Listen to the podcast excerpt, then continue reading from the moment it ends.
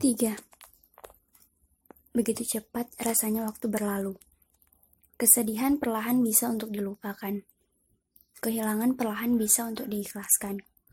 Dan keharusan perlahan bisa untuk disegerakan. Begitu pula halnya dengan Anggun dan Ara yang di setiap harinya tetap melakukan aktivitas yang sama. Minggu pertama mereka pulang bersama setelah kejadian itu, Memang tak ada yang berani untuk memulai komunikasi di antaranya selain kalimat pamit untuk pulang.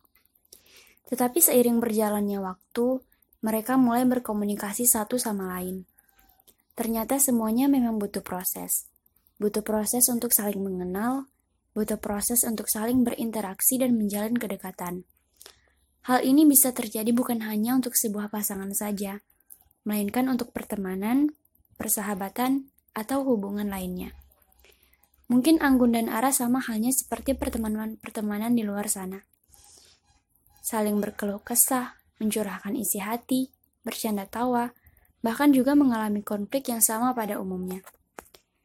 Tetapi ada hal menarik yang membuat Anggun tetap bertahan dengan Ara, yaitu ketidakjelasan Ara yang selalu mem membuat topik pembicaraan secara tiba-tiba. Menurutnya, hal itu terlihat seru dan begitu menarik. Sampai pada akhirnya, Anggun terbiasa dengan kehadiran Ara di hidupnya. Pernah suatu ketika saat jam istirahat, Ara menemui Anggun ke kelasnya. Tak ada maksud dan tujuan Ara untuk menemui Anggun. Ia hanya bercerita seperti biasanya. Saat itu mereka masih duduk di bangku SMP kelas 7. Seperti pada anak SMP umumnya, yang terjadi saat itu adalah di mana perubahan antara anak-anak menuju remaja apalagi kalau bukan soal perasaan salah satunya. Jika berbicara soal perasaan, saat itu untuk pertama kalinya mereka saling berbincang tentang orang yang mereka sukai. Rah, sini aku tunjukkan dia yang mana. Anggun menarik tangan Ara agar mendekat ke arahnya. Siapa? Yang mana? Dengan penuh rasa penasaran, Ara pun mendengar instruksi Anggun dengan fokus. Coba lihat cowok yang pakai jam tangan, hitam di kelas sebelah. Anggun berusaha agar ter Anggun berusaha agar tidak terlihat mencurigakan. Yang mana? Yang berdiri. Iya, itu dia. Oh, Ci. Ara memukul lengan Anggun pelan, hingga membuatnya tersenyum malu. Namun tiba-tiba keisengan Ara muncul. Ia berdiri di depan pintu kelas dan melihat beberapa teman perempuan mereka yang dikenali oleh Ara. Weh, Anggun suka sama Tit. Sontak Anggun kaget dan langsung menarik Ara keluar. Gak do, bohong-bohong. Anggun menentang pernyataan Ara kepada teman-temannya. Ia menahan malu karena melihat tingkah iseng Ara yang membuatnya tidak habis pikir. Terlebih lagi, teman-teman sekelasnya mulai menggoda Anggun dengan kata cie. Tetapi hal itu sama sekali tidak tidak membuat Anggun marah. Meskipun ia terlihat sangat kesal dengan tingkah Ara, ia memilih tertawa untuk mengalihkan rasa malunya karena ulah Ara. Tak hanya keseruan saat di sekolah dan waktu berharga saat pulang saat pulang sekolah saja yang dengan penuh kesenangan. Melainkan ada hal yang jarang dilakukan oleh pertemanan lainnya, tetapi dilakukan oleh mereka. Mereka berdua memiliki sebuah tempat kecil yang sebenarnya itu adalah warung kecil milik Ibu Anggun yang sudah tidak terpakai lagi. Warung kecil itu hanya memiliki kursi panjang dan meja besar yang panjang pula, serta atap yang menutupi area tersebut sehingga terlihat aman. Dengan keadaan lokasi yang terletak beberapa meter dari rumah Anggun, membuat mereka betah dan merasa aman jika berlama-lama di warung kecil yang mereka sebut dengan base camp itu. Semua berawal saat Anggun dan Ara yang mulai dekat setelah perginya Cindy dari kota itu. Mereka terlihat letih saat usai melaksanakan latihan paskibra yang baru selesai pada sore hari. Ara terlihat seperti tak sanggup jika harus berjalan kaki ke rumahnya dengan keadaan letih seperti itu. Kita duduk di situ aja dulu, Ra. Nanti Ara minta jemput di situ.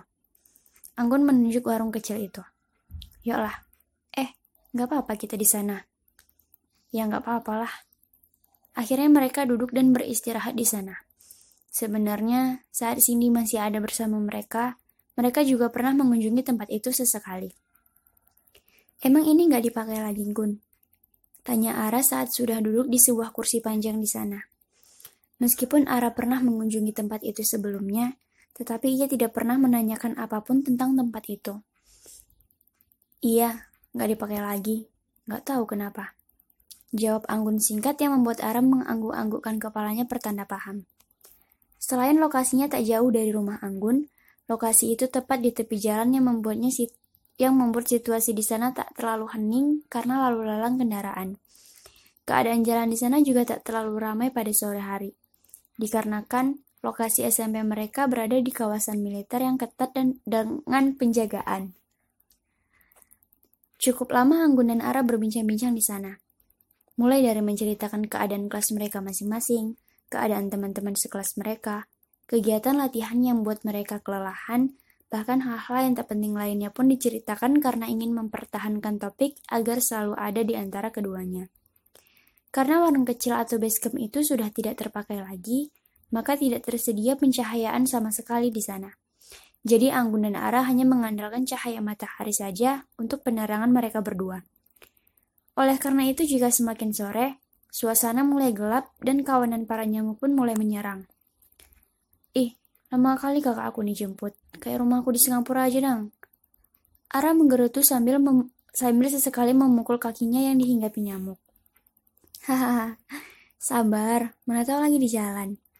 Anggun terlihat seperti kelelahan, tetapi berusaha untuk tidak menunjukkannya kepada Ara. Tak lama setelah itu, tepat beberapa menit sebelum azan maghrib, kakak Ara pun tiba di depan base camp. Hah, ini dia, lama kali pun. Gun, aku pulang Gun, aku pulang ya. Ara berdiri dan bergegas menuju motor kakaknya. Iya, Ra. Hati-hati ya. Terlihat jelas dengan senyuman sumringah Anggun yang menandakan bahwa ia sangat lega saat Ara beranjak pulang. Anggun terlihat berbeda bukan semata-mata karena tidak menghargai kehadiran Ara, melainkan sesekali ia merasa letih karena kegiatan yang padat dan butuh istirahat yang cukup. Sementara karena hadirnya Ara, ia sedikit kesulitan mendapatkannya. Begitu baiknya ia saat berani dan selalu menurunkan egonya agar tetap memilih untuk menemani Ara di basecamp itu. Masih adalah masih adakah seseorang yang rela mengorbankan waktu istirahatnya demi memilih berbincang lama dengan sahabatnya? Sepertinya kejadian ini sangat sulit untuk ditemukan pada orang lain. Pertemuan Ang Pertemuan Anggun dan Ara akan terasa biasa-biasa saja tanpa berbincang lama di basecamp setiap harinya. Dikarenakan kelas mereka yang berbeda, meskipun berlama-lama di sekolah, mereka juga tidak akan berbincang-bincang lama.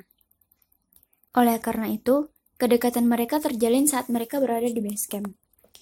Di setiap harinya, mereka hampir tak pernah tak mengunjungi base camp tersebut. Seakan base camp itu adalah saksi kedekatan antara mereka berdua. Bagaimana tidak, selain setiap hari mereka berkunjung ke sana, semua unek-unek juga ikut dikeluarkan di tempat itu. Mungkin orang lain tidak habis pikir perihal waktu yang mereka gunakan berjam-jam untuk hanya sekedar duduk dan berbincang. Bagaimana tidak? Mereka pulang sekolah kurang lebih pukul 13.00 WIB. Sementara di base camp mampu berjam-jam hingga sore hari.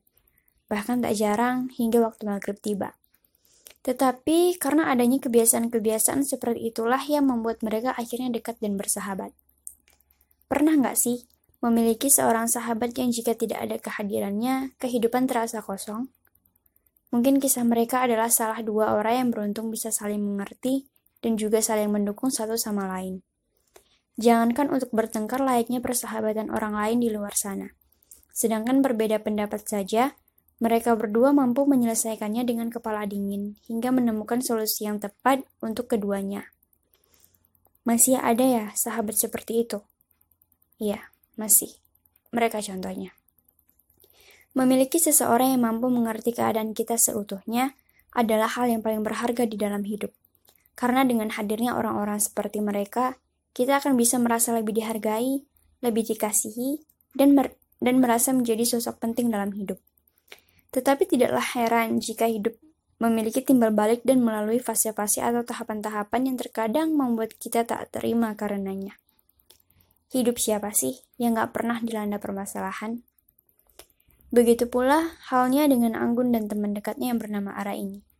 Sebaik-baiknya mereka satu sama lain, sepengertian apa pun mereka satu sama lain, dan seterbaik apa pun mereka di mata orang lain, mereka juga manusia yang tak ma yang tak mungkin hidup tanpa adanya sebuah permasalahan. Orang bijak berkata, jika kamu tidak ingin merasakan permasalahan hidup, silahkan keluar dari zona kehidupan.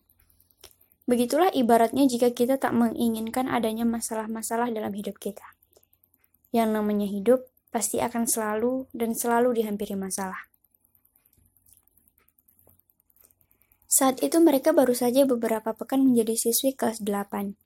Dengan suasana yang berbeda, juga banyak perbedaan lainnya yang tergabung kala itu. Apalagi saat itu mereka benar-benar baru merasakan yang namanya senioritas. Dengan keterbatasan dan ketepatan waktu, untuk mereka saling berjumpa dan berbicara, membuat mereka tengah sibuk dengan dirinya masing-masing. Anggun terlihat lebih dekat dengan teman sekelasnya yang bernama Lia. Tanpa sadar, kedekatan mereka mulai menyaingi keberadaan Ara di hidup Anggun. Tetapi, bukan hanya Anggun saja yang memihak ke orang lain, melainkan Ara pun juga kerap terlihat bersama temannya yang baru-baru saja dekat. Ia bernama PM. Awalnya semua terasa seperti biasa, tetapi lama-kelamaan jarak antara Anggun dan Ara mulai terlihat. Perlahan-lahan mereka pun mulai menyadarinya. Tetapi untungnya, mereka, meskipun mereka saling merasa tidak enak satu sama lain, mereka masih tetap melakukan rutinitas pulang bareng yang biasa mereka lakukan. Hanya saja ketertarikan mereka kepada base camp sepertinya mulai terlihat. Ketidaktertarikan mereka kepada basecamp sepertinya mulai terlihat. Kerap beberapa kali mereka tak terlihat lagi di basecamp. Mereka seperti sibuk dengan diri mereka masing-masing, dan sepertinya mulai dekat dengan teman-teman yang lain. Hingga akhirnya, perang dingin di antara keduanya pun terjadi. Mereka berdua sadar akan hal itu, tetapi tak ada yang berani memulai untuk mengungkapkan hal yang sebenarnya membuat rasa tidak nyaman itu. Suatu hari saat pulang sekolah, seperti biasanya mereka bertemu di depan kelas Anggun. Tetapi kali ini sedikit berbeda karena adanya perang dingin yang tiba-tiba masuk ke dalam persahabatan mereka. Semua siswi di SMP itu bergegas menuju gerbang sekolah karena terburu-buru untuk pulang. Perlahan-lahan, sekolah mereka pun sepi. Tak ada lagi siswa yang lalu lalang. Bahkan, guru-guru pun sudah pada pulang. Lain halnya dengan Anggun dan Are yang masih tetap berada di teras kelas 82 kala itu. Saat itu mereka ternyata tidak hanya berdua, melainkan ada tiga orang teman mereka yang ikut menemani mereka di sana. Anggun dan Ara duduk bersebelahan dan berhadapan dengan teman-temannya yang ada di sana.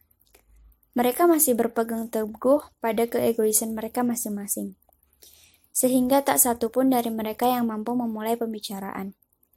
Sementara teman mereka hanya bisa duduk diam lantaran tak mengerti apa yang terjadi di antara keduanya. Beberapa menit terbuang sia-sia karena tak ada yang mulai berbicara. Bahkan untuk sekedar bertatap muka saja mereka enggan. Mereka hanya bisa saling memendam dan terus memendam. Namun akhirnya, salah satu dari mereka mulai memberanikan diri untuk berbicara. Anggun sering main sama Lia. Kita udah gak kayak dulu lagi. Ara berbicara masih menundukkan kepalanya dan menahan tangisnya. Ara juga sering main sama PM sekarang. Anggun menjawab dengan gemetar dan terlihat berkaca-kaca. Sampai pada akhirnya mereka berdua berani bertatap muka dan menangis. Tangisan keduanya sukses membuat suasana saat itu sangat seduh. Mereka lebih banyak menangis daripada membicarakan permasalahannya. Mereka merasa sama-sama salah dan sama-sama harus mengalah. Dengan begitu, tangislah yang membuat keduanya tenang dan mencoba untuk saling mengerti. Apa karena kedekatan membuat keduanya saling cemburu saat di antaranya ada yang dekat dengan orang lain? Padahal mereka sesama perempuan. Dan teman yang didekat, didekatkan pun juga perempuan. Mungkin karena perempuan terlalu mengedepankan perasaan, jadi terlihat egois dan merasa apa yang menjadi miliknya tak akan pernah menjadi milik orang lain. Apakah dengan melewati fase per Apakah dengan melewati fase itu, persahabatan akan menjadi utuh? atau bahkan itu menjadi awal dari sebuah kehancuran. Seberat apa pun masalah yang kamu hadapi dengan seseorang, cobalah untuk tenang dan bicarakan baik-baik. Karena dengan berkomunikasi akan membuat masalah terlihat jelas dan dapat ditemukan jalan keluarnya. Sesederhana ucapan kata maaf dan pengakuan kesalahan, tetapi terkadang seseorang memperumitnya dengan mengedepankan ego.